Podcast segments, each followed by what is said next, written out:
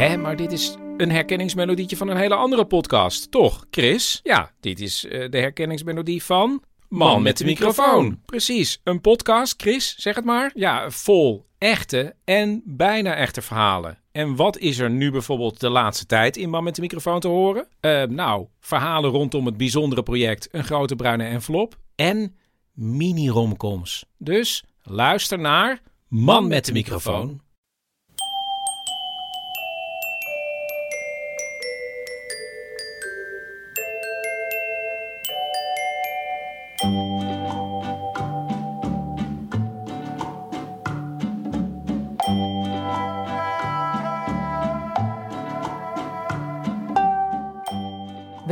Aflevering 97 van de Echt Gebeurd podcast, waar waargebeurde verhalen worden verteld door mensen die ze zelf hebben meegemaakt. In deze podcast een verhaal van Laura van der Vet.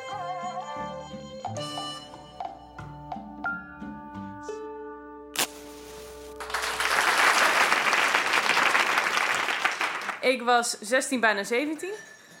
En ik werkte eigenlijk uh, al vanaf mijn 15e bij een banketbakkerij. En dat betekent dat je dus geen sociaal leven hebt in het weekend. Want op vrijdagavond ga je om 9 uur naar bed. En dan op vrijdagnacht, ja, vrijdagnacht, kom je gewoon om 2 uur nest uit. Omdat je om 3 uur weer in de bakkerij staat. En het erge was nog wel, ik bakte geen brood. Ik verkocht alleen maar brood. Maar je wordt, ja, er werd dan verwacht dat je er dan was. Om alle croissantjes in het schap te gooien en zo. Dus ik was daar elke zaterdag van mijn puberleven. Tot deze vrijdagnacht, maar dan wel zeven jaar geleden. Waarop uh, de uh, bakkerij ging verbouwen voor de kerstdagen. Want dan moesten er weer duizenden kilo's oliebollen uit en zo. En dat kon niet in onze kleine bakkerij. En dat was de laatste tijd zo gegroeid, dat moest groter. Dus ik was op vrijdagavond vrij.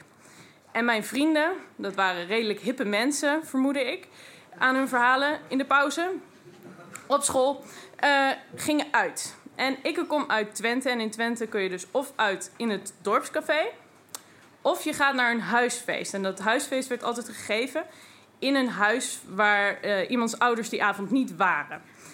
En uh, ik ging dus mee met mijn vrienden naar een huisfeest en die zeiden dat is superleuk, gaan we doen. En ik dacht, ja, te gek, dit, dit doen we. Ik, ik ben gek op feesten, dacht ik.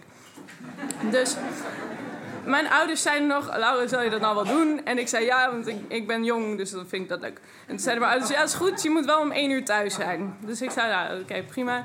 En het was een huis, een paar straten verderop. En ik kende de, de, de jongen die daar woonde wel. Dat was iemand van school. En uh, mijn vrienden waren dan weer bevriend met hem. Je weet hoe dat gaat. En uh, ik ging met mijn vrienden naar dat huisfeest. En ik vond het al een beetje typisch, want we kwamen er al aangereden en ze roken heel vreemd. Nou, moet ik eerlijk bekennen, kijk, in Twente zijn de enige mensen die joints roken Duitsers. Die komen over de grens en die gaan dan aan jointjes roken en dan gaan ze weer terug naar Duitsland. En uh, mijn vrienden roken vreemd.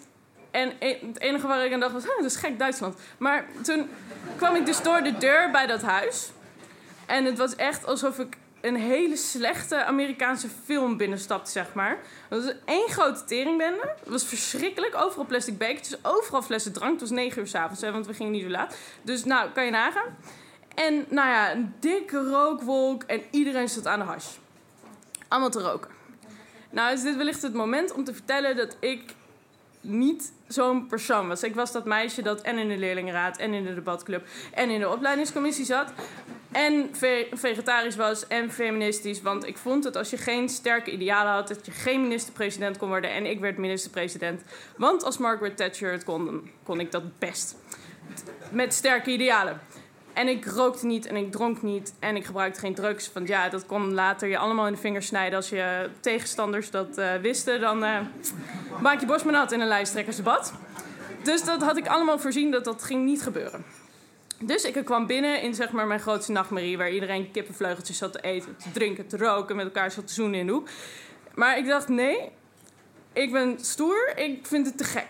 Dus ik heb de hele avond kolen lopen hijsen. En om mij heen waren mijn beste vriendinnetje Sophie. Die was binnen twee seconden helemaal weg, want die werd lesbisch op die avond.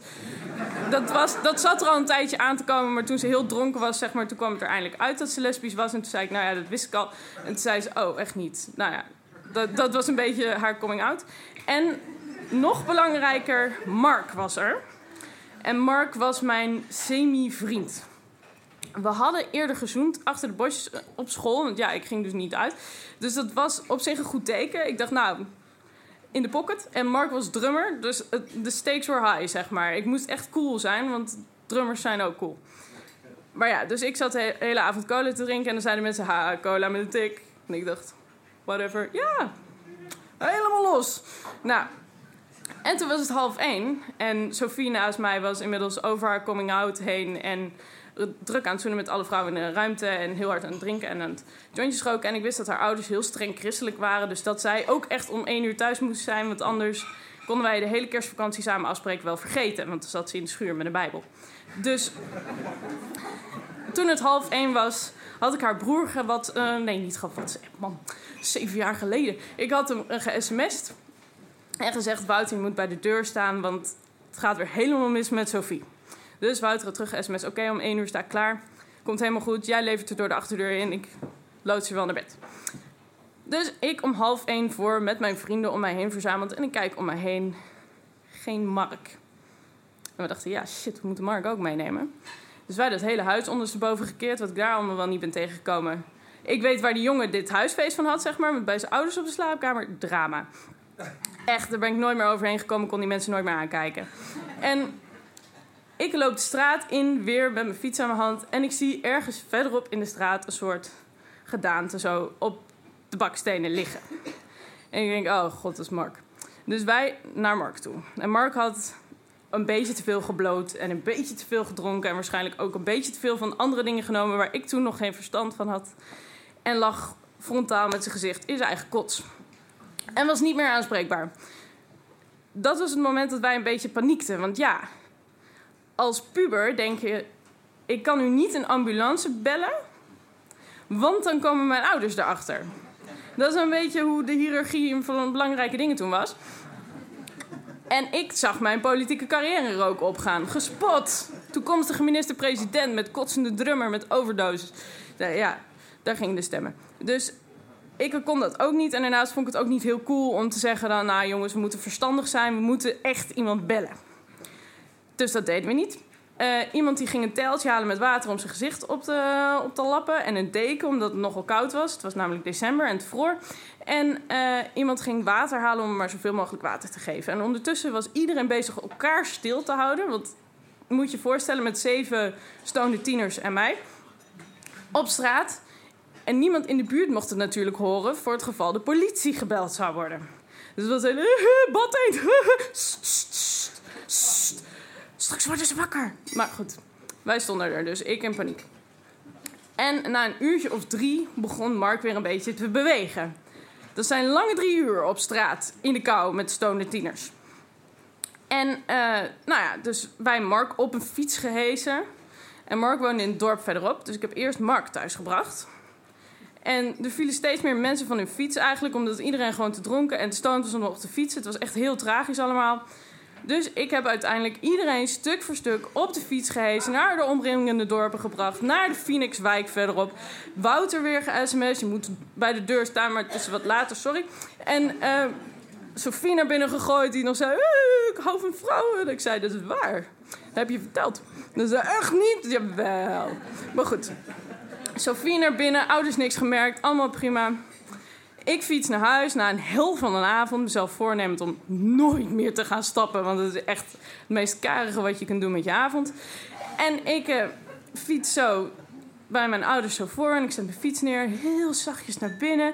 En ik zag een lichtje aan. En ik denk, kut. Dus ik die deur open. Zitten mijn ouders op de bank in ochtendjas. Met zo'n teleurgesteld hoofd.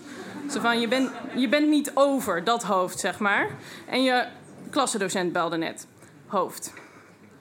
En mijn vader vroeg, hoe laat is het? Toen zei ik, nou, je had niet op kunnen hoeven blijven om dat te vragen, want we hebben een klok. Uh, dat doe ik altijd als ik zenuwachtig word, dan ga ik dat soort dingen zeggen. Dat was eigenlijk heel dom, want dat maakte de situatie niet heel veel beter. Dus ik zei, nou, het zou zomaar eens half vijf kunnen zijn. En toen zei mijn vader, dat is correct. En hoe laat moest jij thuis zijn? Zei ik, nou, dat zou zomaar eens wat eerder kunnen zijn. Zei hij, dat is correct. Je moeder en ik vinden dit bijzonder onverantwoordelijk. We willen niet weten wat je hebt uitgehaald. Maar wat ik ruik, daar word ik niet vrolijk van. Ga maar naar bed. Je gaat deze hele kerstvakantie de deur niet uit. Bel Sophie maar morgen, dat gaat niet gebeuren. Sophie was zeker wel om één uur thuis. Ik zei nou niet helemaal, maar wel bijna. En op dat moment zat ik dus met het dilemma van... ga ik mijn ouders vertellen wat er allemaal is gebeurd... en daarmee riskeren dat A, Mark dus nooit mijn vriendje wordt... want die, mijn vader die lyncht hem... en B, Sophie nooit meer langs mag komen... en C, al mijn vrienden uit mijn sociale leven worden geband... omdat mijn ouders, dat waren echte ouders, zeg maar... hun ouders zouden bellen om te vertellen wat er was gebeurd. En dat zouden ze doen toen, want dat vonden ze dan rechtvaardig. Dus ik dacht, nee. Weet je, nee, ik ga twee weken deze straf uitzitten... omdat ik een goed mens ben geweest. Dus dat deed ik. Sophie woedend dat ik de hele kerstvakantie niet af kon spreken. En waarom dan in godsnaam wel niet? En dus kon zich er helemaal niks meer van herinneren. En of ik al wist dat ze lesbisch was. En toen zei ik, ja, dat heb je me toen verteld. Echt niet? Jawel, eh, ik heb het je echt verteld. Oh, je hebt je tong in Annelou gestoken. Wat? Ja, echt. Oh. Oh, oh, nou ja, zeg maar, zo ging de conversatie over de telefoon dan. En toen begreep ik ook wat meer over de verhalen in de pauze, zeg maar die zo nu en dan langskwamen op school. Want die kon ik eerst nooit zo goed plaatsen. Maar ik heb nooit wat gezegd tegen mijn ouders. En ik wil ook geen minister-president worden. Dus, nou ja, dat vloeide allemaal een beetje af. En toen uh, stond er op Facebook een oproepje twee weken geleden van kom wat vertellen over uh, jouw nacht. Dus, en toen kwam dit verhaal meteen me op en toen dacht ik, weet je wat, ik mail. En toen werd ik vorige week zondag gebeld. En ik was toevallig bij mijn ouders thuis in, uh, in Hengelo. En ik neem op en ik vertel zo kort zo... Oh ja, ja dit en dat is dus zo... En later heb ik het hele verhaal aan mijn ouders verteld. Net. En uh, mijn vader die kreeg weer diezelfde blik in zijn ogen. En mijn moeder ook. En die zeiden, en toch was het onverantwoordelijk. De bastards. en ik zei nog dat Mark geen goede jongen was, zei mijn moeder. Nou ja, dat is wel een punt natuurlijk. Maar ja, dat was mijn nacht. En sindsdien, laat maar zeggen, totdat ik student werd, want toen ging het helemaal mis. Maar toen ging ik helemaal niet meer uit.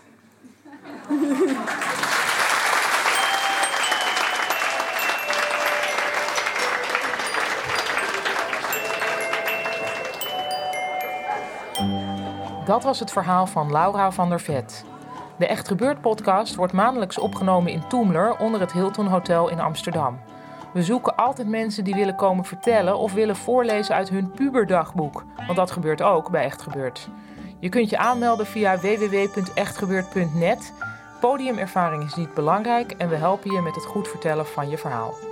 Als je als publiek aanwezig wilt zijn, dat kan ook, maar dat is dan pas weer na de zomer in september. De redactie van Echt Gebeurd bestaat uit Micha Wertheim, Eva Maria Staal en mijzelf, Paulien Cornelissen. Rosa van Toledo doet de productie en de techniek is in handen van Nicolaas Vrijman. Dat was het weer. Like ons op Facebook, volg ons op Twitter, geef deze podcast een positieve rating op iTunes of zorg dat we de volgende president van Amerika worden. Tot de volgende podcast.